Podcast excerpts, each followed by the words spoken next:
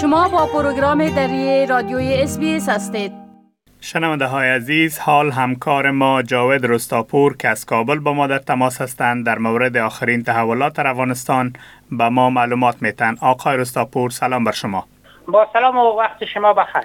آقای رستاپور در آغاز میشه که لطف کنین و در موردی که سه سارق در کابل در درگیری با نیروهای طالبان کشته شدن با شنونده های ما معلومات شریک بسازین.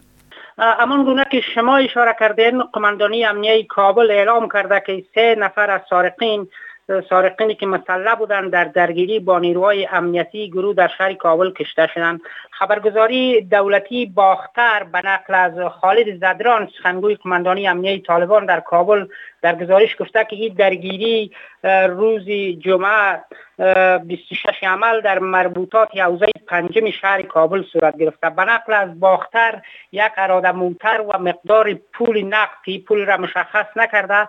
که چقدر بوده از نزد افراد کشته شده به دست آمده. باختر همچنین گفته که در جریان درگیری یک نیروی طالبان هم زخمی شده اما هنوز هویت کشته شدگان هم مشخص نشده است. تشکر آقای رستاپور. برخی از رسانه ها گزارش دادند که طالبان شبکه های مخابراتی را در اندراب ها قطع کردند. آیا دلیل قطع کردن شبکه مخابراتی در اندراب ها معلوم است که دلیلش چی است و برخی گزارش های هم نشان میده که درگیری ها در اوج افزایش پیدا کرده میشه که جزیات را با شنونده های ما شریک بسازین؟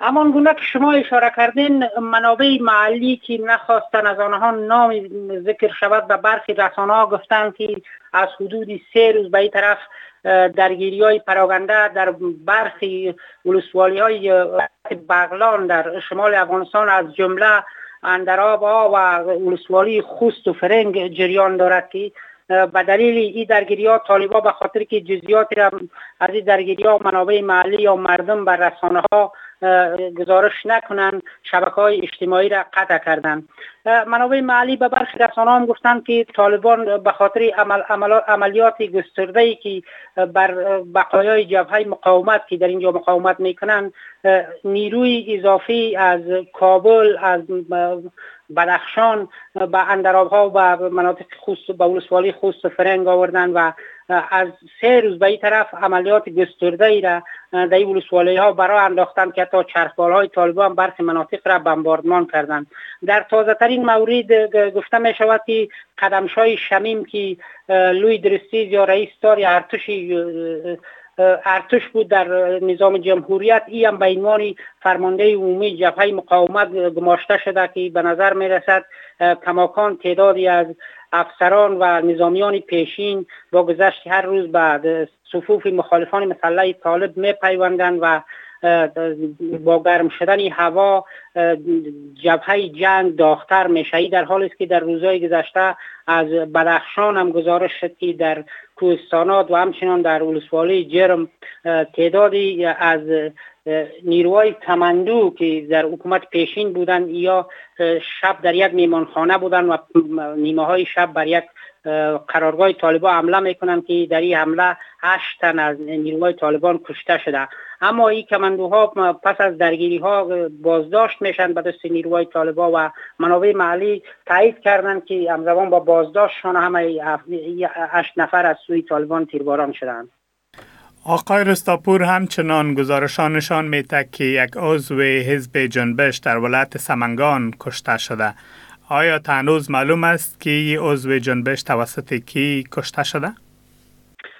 فقط برای محلی برسانه گزارش کردند که فردی به نام قماندان گل حسن که یکی از قماندان های حزب جنبش ملی به رهبری مارشال دوستم بود ساعت 11 قبل از چاشت روز جمعه در قریه بورمه ولسوالی فیروز نخچیر توسط افراد مسلح به ضرب گلوله کشته شده.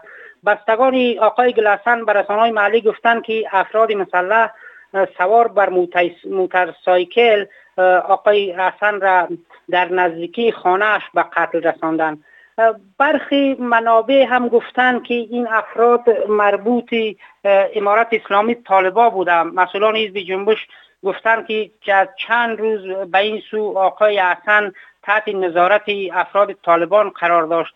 اما با زمانت دو روز قبل از او را چند بار برده بودند بندی هم کرده بودند ولی با زمانت از زمانت شده و از بند روزی پنجشنبه رها شده از بند طالبان.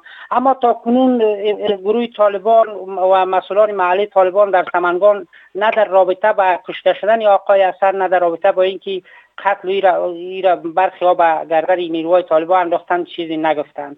این در حالی است که گزارش ها از ولایت شمال می رساند که هدف گرفتن افرادی سرشناس مربوط به احزاب سیاسی و همچنان نظامیان حکومت پیشین با گذشت هر روز بیشتر می‌شد که تنها در یک ماه گذشته 26 نفر در بلخ ناپدید شده که تعدادی از این افراد اجسادشان از بودال ها و ساحاتی که مسکونی نیست از اونجا پیدا شده. تشکر آقای رستاپور. وزارت معارف طالبان گفته که پوشیدن نکتایی برای شاگردان مکاتب من است.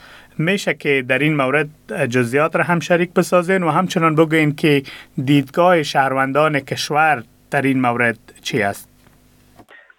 بله دقیقا وزارت معارف در یک مکتوب رسمی پوشیدن نکتایی را برای شاگردان مکاتب مکتبهای دولتی و خصوصی ممنوع اعلام کرده. در این مکتوب بر رعایت ایجاب از سوی دانش آموزان و آموزگاران الناس هم تاکید شده. اما ریاست معارف شهر کابل در گفتگویی که با رسانه ها داشته گفته که این مکتوب در عهد یک توسعه بوده. در همین حال شهروندان افغانستان واکنش بسیار جدی در پیوند با این مکتوب طالبان نشان دادند که در شبکه های اجتماعی از تنز شروع تا گذاشتن پیشنهاد و کاربران شبکه های اجتماعی که هر کس عکسی با نکتایی دارد او را بگذارد. حتی برخی ها با تنز و با به نوی شوخی گفتند که ایزاربند جای نکتایی را خواهد گرفت و برخی دیگر هم گفتن که این خودش عقبگرد را نشان میده. به هر صورت و به هر ترتیب.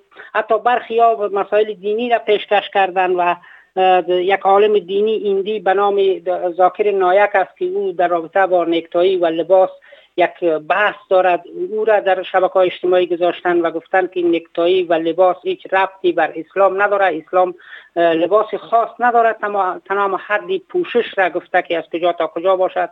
نکتایی نظم را نشان میده و این نشان دهنده یک نظم به اصطلاح کسی که رسمیات و در چارچوب یک رسمیات رفتی را نشان میده و افزون بر این بر زیبایی هم می افزاید که زیبایی بیانگر شخصیت هم است. بر صورت طالبا اما خود را کنار کشیدن همون گونه که گفتم ریاست معارف شهر کابل گفته که جدی نیست عملی کردن ازی ولی در حد یک توسعه مکتوب بوده که کسی رعایت می‌کنه یا نه بسیار جدی هم نیست.